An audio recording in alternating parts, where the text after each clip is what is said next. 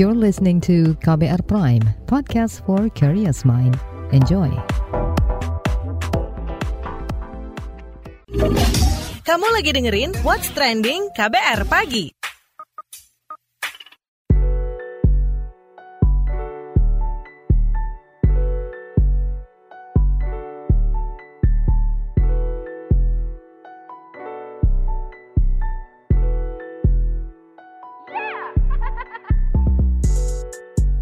KBR Pagi, siaran pagi radio paling update. Selamat pagi, apa kabar Anda hari ini di hari Kamis 14 April 2022? Kembali lagi saya Don Brady menemani pagi hari Anda semuanya di What's Trending, KBR Pagi pastinya. Memasuki pertengahan bulan Ramadan, udah pada cek online shop atau Tanah Abang belum nih? Kira-kira mau beli baju model apa ya buat hari raya nanti? Tapi entaran deh ngomongin belanja lebaran, yang penting tunjangan hari raya atau THR-nya cair dulu nih. Nah soal THR dengerin nih ya, Menteri Ketenagakerjaan Ida Fauzia menegaskan bahwa THR 2022 ini mesti dibayar kontan gak dicicil-cicil lagi. Ini sesuai dengan surat edaran tentang pelaksanaan pemberian THR keagamaan tahun 2022 bagi pekerja atau buruh di perusahaan. Menakar menegaskan bahwa THR bukan hanya hak para pekerja yang berstatus tetap, namun juga pekerja kontrak, outsourcing, tenaga honorer, buruh harian lepas di kebun-kebun, supir, bahkan pekerja rumah tangga alias PRT berhak atas THR. Untuk memastikan THR dibayarkan secara kontan, Menakar meluncurkan pos komando atau posko tunjangan hari raya 2022. Para pekerja yang memiliki permasalahan bisa langsung melapor ke posko-posko yang ada di tiap daerah atau secara online melalui poskothr.kemnaker.go.id. Tapi seberapa efektif posko ini dan bagaimana pengalaman dari tahun-tahun sebelumnya kita bahas lebih lanjut setelah komentar warganet plus 62 berikut ini. tum, tum, tum, tum, tum. Kita ke komentar at Kemnaker RI diharapkan posko THR secara virtual dimanfaatkan oleh Disnaker Provinsi, Kabupaten Kota untuk menyampaikan ke perusahaan di wilayahnya agar dapat memonitor aduan atau konsultasi yang masuk. Lalu at Anton XX THR terkendala. Tahan, gak perlu emosi, bicarakan baik-baik dengan kawan aliansi buruh. Posko pengaduan THR 2020 ini mungkin bisa bantu menyelesaikan. At Kanaya XX, Pemprov Jatim melalui Disnaker Jatim akan buka posko pengaduan terkait THR, sehingga jika ada kendala di lapangan, Pemprov akan mengawal dan memberi fasilitas bantuan sesuai aturan yang berlaku. At antara underscore Jabar, posko aduan THR Bekasi dipindah ke Kerawang. Lanjut at Boy XX, kapan dibagikan ya? At Intan XX, Kementerian Tenaga Kerja mengingatkan para pengusaha untuk bayar tunjangan hari raya atau THR paling lambat tujuh hari sebelum lebaran. At Adis XX, THR bukan tunjangan hari raya lagi, tapi tugas hari raya. At Wine XX ingin merasakan punya gaji pokok lebih besar dari WMR Plus tunjangan hari raya juga. Ya Allah, segerakanlah. Dan terakhir at Omni XX ada lima agama yang diakui di Indonesia. Berarti ada lima hari raya yang dirayakan setiap tahunnya. Harusnya tunjangan hari raya juga lima kali setahun gak sih? What's Trending KBR Pagi Kita lanjutkan obrolan kita pagi ini. Jadi Kementerian Ketenagakerjaan mengimbau pengusaha atau pemberi kerja agar segera menunaikan kewajiban memberikan THR keagamaan kepada buruh. Bagi perusahaan yang memiliki profit tinggi dan ekspansi makin baik, diimbau memberikan THR lebih kepada pekerja. Sekretaris Jenderal untuk Kementerian Ketenagakerjaan Anwar Sanusi mengatakan kementeriannya melayani aduan atau konsultasi secara langsung terkait permasalahan THR. Dalam rakor dengan Kadis Naker Provinsi se-Indonesia, dia juga meminta posko THR di daerah untuk merespon dengan baik aduan para buruh dan menyampaikan persoalan tersebut ke perusahaan. Dia juga memerintahkan adanya monitoring terhadap kelanjutan penyelesaian masalah tersebut. Kemudian dalam konferensi pers 8 April 2022, Menteri Ketenagakerjaan Ida Fauzia pun mengungkap fungsi dari posko THR 2022. Berikut penuturannya. THR keagamaan merupakan pendapatan non-upah yang wajib dibayarkan oleh pengusaha kepada pekerja atau buruh paling lambat tujuh hari sebelum Hari Raya Keagamaan. Untuk kepentingan itu, Kementerian Ketenagakerjaan telah membentuk posko THR untuk memberikan pelayanan konsultasi dan penegakan hukum dalam rangka pemantauan dan pengawasan kepatuhan pelaksanaan THR keagamaan tahun 2022 ini. Pelaksanaan posko THR ini melibatkan seluruh unit teknis di lingkungan Kementerian Ketenagakerjaan. Tim posko ini bertugas untuk memberikan pelayanan konsultasi pembayaran THR dan penegakan hukumnya. Pelayanan ini dapat dimanfaatkan oleh pekerja atau buruh dan pengusaha secara daring atau online melalui posko thr.kemenaker.go.id. Selanjutnya dalam rangka pelaksanaan koordinasi antara pemerintah pusat dan daerah, masing-masing provinsi diharapkan untuk membentuk posko THR melalui website posko thr.kemenaker.go.id. Keberadaan posko THR keagamaan ini ini adalah bentuk fasilitasi pemerintah agar hak pekerja atau buruh untuk mendapatkan THR benar-benar bisa dibayarkan sesuai ketentuan yang ada. Hadirnya posko THR keagamaan tahun 2022 ini diharapkan dapat berjalan sesuai dengan mekanisme dan ketentuan perundangan yang tertib dan efektif serta tercapai kesepakatan yang dapat memuaskan para pihak baik itu pekerja maupun pengusaha berdasarkan laporan Posko THR Keagamaan tahun 2021 yang pada waktu itu dilaksanakan tanggal 20 20 April sampai 12 Mei 2021 pada waktu itu tercatat sejumlah 2.897 laporan yang terdiri dari 692 konsultasi THR dan 2.205 pengaduan THR. Dari data tersebut setelah dilakukan verifikasi dan validasi, dengan melihat aspek kelengkapan data, duplikasi, aduan, dan repetisi yang melakukan pengaduan, maka diperoleh data aduan sejumlah 444 kasus THR dengan memberikan atensi kepada Dinas Ketenagakerjaan yang itu dilakukan sampai pada Mei 2021. Jadi eh, ini sebagai bentuk pertanggungjawaban adanya posko tahun 2021 yang alhamdulillah bisa ditindaklanjuti oleh para pengawas ketenagakerjaan di seluruh Indonesia. Di sisi lain, Ombudsman RI mendorong Kementerian Ketenagakerjaan mengawasi penerapan surat edaran tunjangan Hari Raya Keagamaan 2022. Berdasarkan pengalaman di tahun sebelumnya, Komisioner ORI, Robertinus Naendi Jaweng, menilai ada ratusan perusahaan melanggar kewajiban pembayaran THR keagamaan.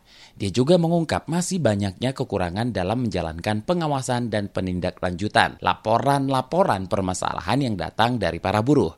Berikut pernyataannya kepada KBR. Ya, tahun lalu saya bersama tim saya di Ombudsman itu membuka posko pengaduan THR.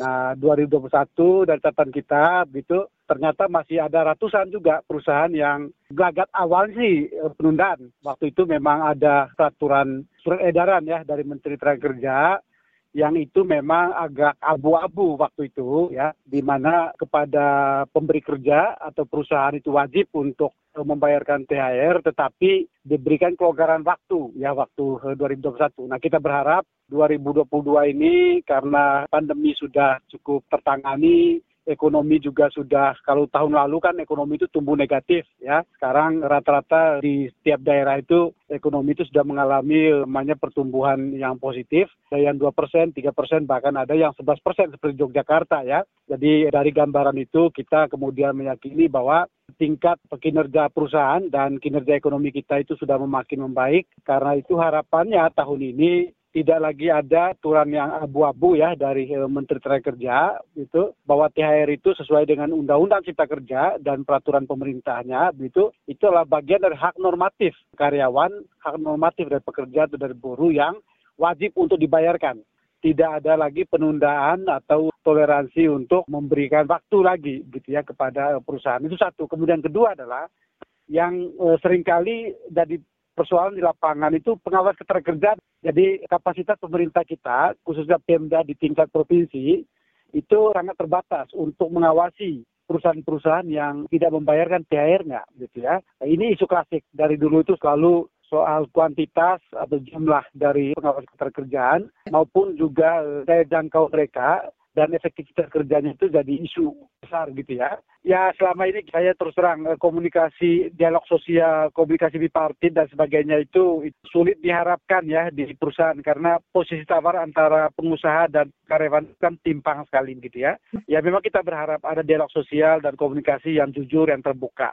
Karena dengan itulah kemudian eh, karyawan, pekerja atau buruh mengerti situasi yang ada. Tetapi rasanya yang terjadi itu terkadang ya itu bukan uh, komunikasi yang jujur, dialog sosial yang terbuka, tetapi uh, bagian dari upaya manipulasi gitu loh. Nah ini yang kita tidak uh, mau karena itu kemudian pemerintah harus hadir sebagai penengah di sana untuk memastikan bahwa kondisi perusahaan itu memang benar-benar sulit gitu dan secara sangat selektif pemerintah kemudian akan memfasilitasi proses untuk pembayaran yang ditunda. Tetapi saya berharap sesungguhnya situasi seperti ini tidak lagi terjadi karena ini 2022 asumsi yang kita lihat dari ekonomi makro tadi pertumbuhan itu sudah makin bagus, mestinya kinerja ekonomi real termasuk perusahaan-perusahaan itu sudah juga makin bagus. What's trending KBR pagi? Newsbeat. Amerika Serikat memerintahkan staf non-esensial di kantor konsultannya segera meninggalkan Shanghai usai lonjakan COVID-19 di kota itu dan memicu penerapan aturan ekstrim dari pemerintah Tiongkok. Amerika mengumumkan perintah ini ketika Tiongkok sedang berupaya keras untuk menanggulangi lonjakan kasus COVID-19 di Shanghai yang menggila beberapa waktu belakang. Juru bicara Kedutaan Besar Amerika untuk Tiongkok dilansir dari IFP menyebut Perintah itu dikeluarkan pada awal pekan ini namun belum diketahui alasan Amerika mewajibkan staf non-esensial mereka untuk angkat kaki dari Shanghai. Kemarin Shanghai melaporkan 22 ribu kasus baru COVID-19 dan total 166 ribu kasus baru di seluruh Tiongkok. Pemimpin oposisi Shehbaz Sharif terpilih menjadi Perdana Menteri Pakistan setelah Imran Khan lengser dari jabatan Perdana Menteri. Hasil pemilihan disambut dengan mundurnya lebih dari 100 anggota parlemen pendukung Perdana Menteri yang digulingkan Imran Khan. Sharif terpilih menyusul krisis konstitusi selama sepekan di Pakistan. Imran Khan dilengserkan dalam mosi tidak percaya di parlemen karena dianggap tidak mampu menangani permasalahan ekonomi di di tengah pandemi COVID-19. Invasi Rusia ke Ukraina yang berlangsung sejak 24 Februari 2022 berdampak bagi industri dan organisasi sains di dunia. Perang ini berpotensi membuat proyek stasiun luar angkasa internasional atau ISS mangkrak. Ancaman perang nuklir, serangan cyber, panik buying obat-obatan hingga ancaman kesehatan serius. Rusia sebelumnya melontarkan ancaman keluar dari proyek ISS jika sanksi internasionalnya tidak dicabut. Mundurnya Rusia dari proyek ini dianggap akan mempersulit kemungkinan kerjasama terkait proyek sains dunia lainnya. Selain itu, potensi penggunaan nuklir pun bakal membawa ancaman serius bagi kesehatan baik di wilayah Ukraina maupun dunia.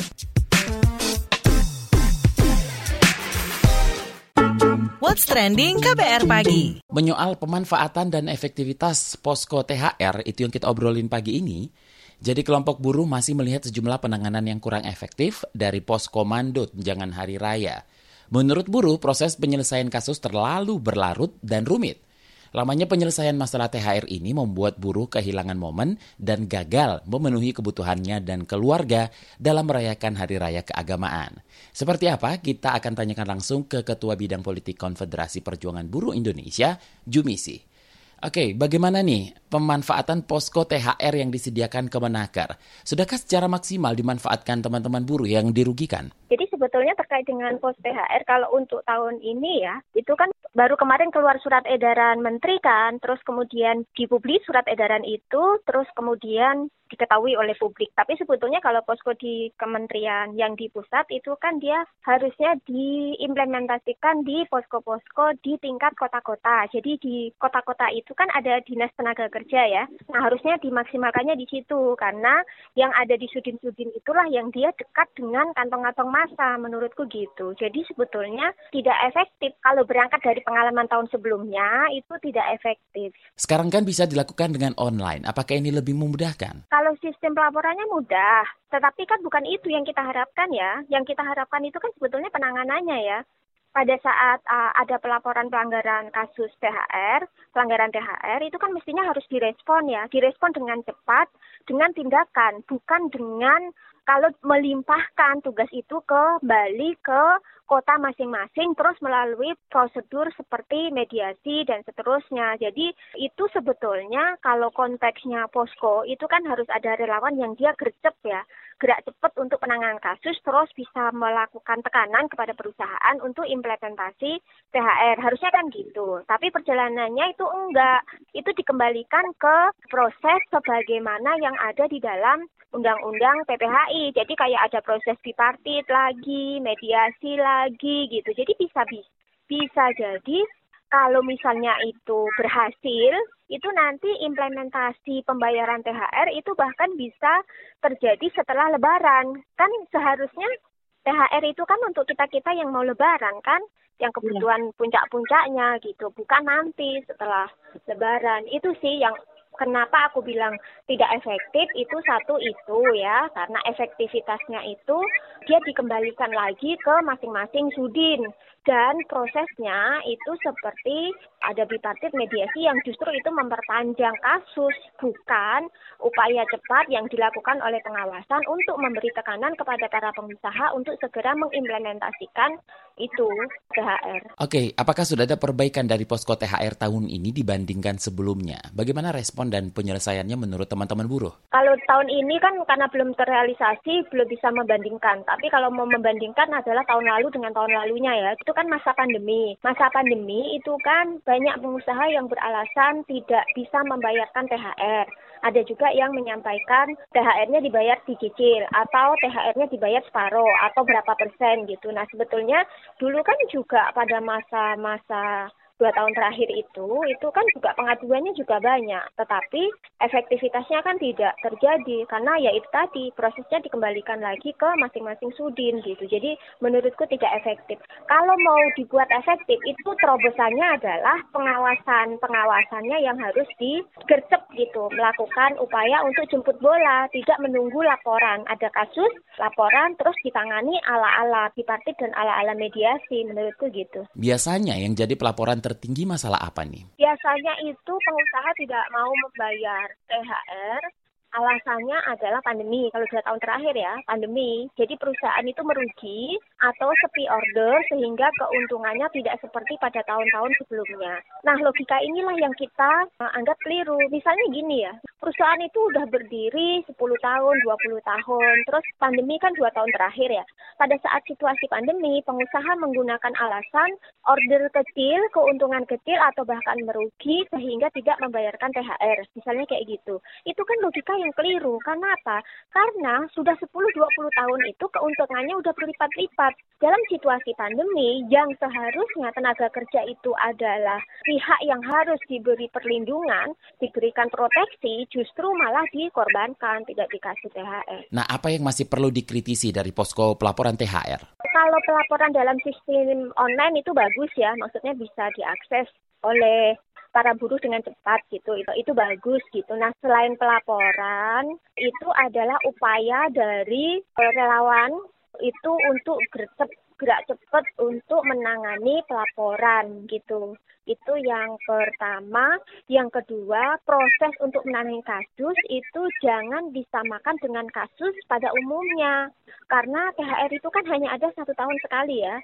Kasusnya itu jangan disamakan dengan kasus PHK eh, atau kasus upah misalnya. Tapi kasusnya itu seharusnya selesai di tahun ini juga, di bulan ini juga, di saat kita sebaik-baiknya menerima tunjangan hari raya. Jangan kemudian kasusnya disamakan dengan proses tripartit, mediasi, bahkan bisa sampai ke tingkatan yang lebih tinggi gitu. Kasus harusnya itu bisa selesai di tempat, difasilitasi.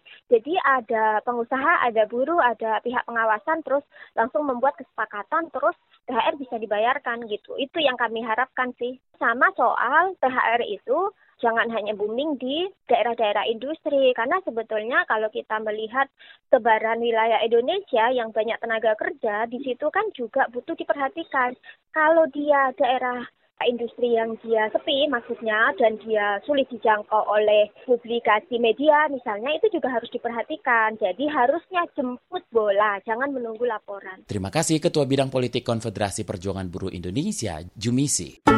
What's trending KBR pagi? Commercial break. Commercial break. Transfer ke sini udah, bayar ini juga udah. Ke gue udah. Heh, Allah, pertumbuhan ekonomi tuh lagi melambat, persis kayak tabungan gue. Betul banget. Harus matang ngelola keuangan. Pengennya tuh investasi sesuatu gitu ya. Apa gitu yang cocok dan menguntungkan? Hmm, coba dengerin uang bicara deh. Gue belakangan lagi dengerin podcast itu di KBR Prime. reksadana yang tadinya 500 juta udah turun dari 250 juta sekarang 10 ribu sama kita ngopi mahalan mana ketika itu ada keputusan yang kayak begitu investor harus tahu gitu oh ada keputusan ini berarti implikasinya apa orang mungkin Perluas literasi kamu lewat podcast Uang Bicara. Uang Bicara menavigasi kamu dengan menghadirkan bahasan-bahasan seru dan populer mulai dari investasi sampai kebijakan. Dipersembahkan oleh KBR Prime dan bisa didengarkan di KBR Prime, Spotify, dan platform mendengarkan podcast lainnya. KBR Prime, podcast for curious mind. What's trending KBR pagi?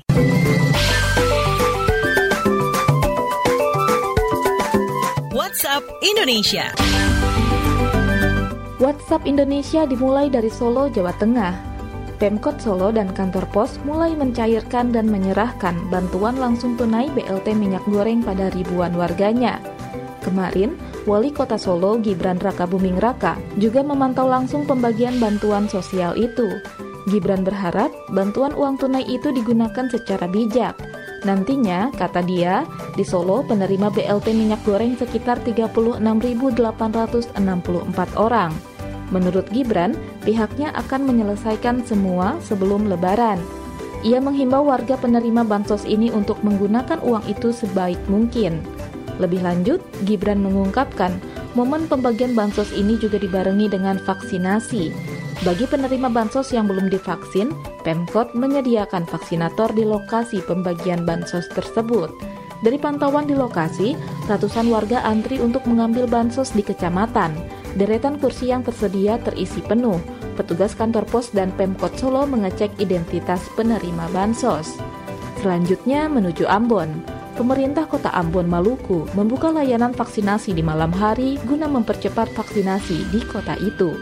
Menurut Kepala Dinas Kesehatan Kota Ambon, Wendy Pelupesi, layanan vaksinasi malam hari itu dilaksanakan di lapangan Merdeka Ambon dengan durasi mulai pukul 19 hingga 21 waktu Indonesia Timur.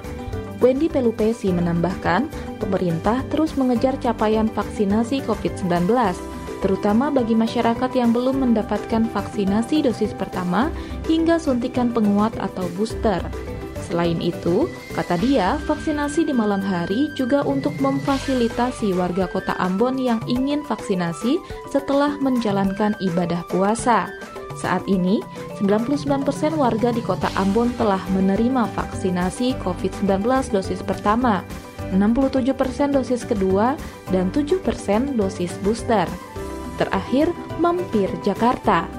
Kementerian Pariwisata dan Ekonomi Kreatif memperkirakan saat libur Idul Fitri tahun ini sebanyak 48 hingga 56 juta masyarakat akan mengunjungi destinasi wisata domestik. Menparekraf Sandiaga Uno menyebut kunjungan itu terutama terjadi saat hari H Idul Fitri dan H plus 10 sesudah Lebaran. Sandi mengatakan perkiraan ini didasari situasi pandemi COVID-19 yang menghalangi masyarakat berwisata ketika liburan hari raya selama dua tahun belakangan ini. Ia memperkirakan tempat-tempat wisata domestik akan penuh dan membangkitkan ekonomi di sektor pariwisata. Ia menganggap Idul Fitri tahun ini akan mendorong tatanan kenormalan baru pasca pandemi. Menparekraf Sandiaga Uno berharap kenaikan jumlah wisatawan domestik ke berbagai destinasi membawa dampak positif terhadap sentra produk ekonomi kreatif UMKM. Harapannya, produk-produk seperti kuliner dan cindera mata laris dibeli para wisatawan. Demikian WhatsApp Indonesia hari ini. Demikian KBR pagi hari ini. Jika Anda tertinggal siaran ini, Anda kembali bisa menyimaknya di podcast What's Trending yang ada di Spotify, kbrprime.id, dan di aplikasi mendengarkan podcast lainnya. Don Brady undur diri, besok kita ketemu lagi. Stay safe. Bye-bye. Terima kasih ya sudah dengerin What's Trending KBR Pagi. KBR Prime, cara asik mendengar berita. KBR Prime, podcast for curious mind.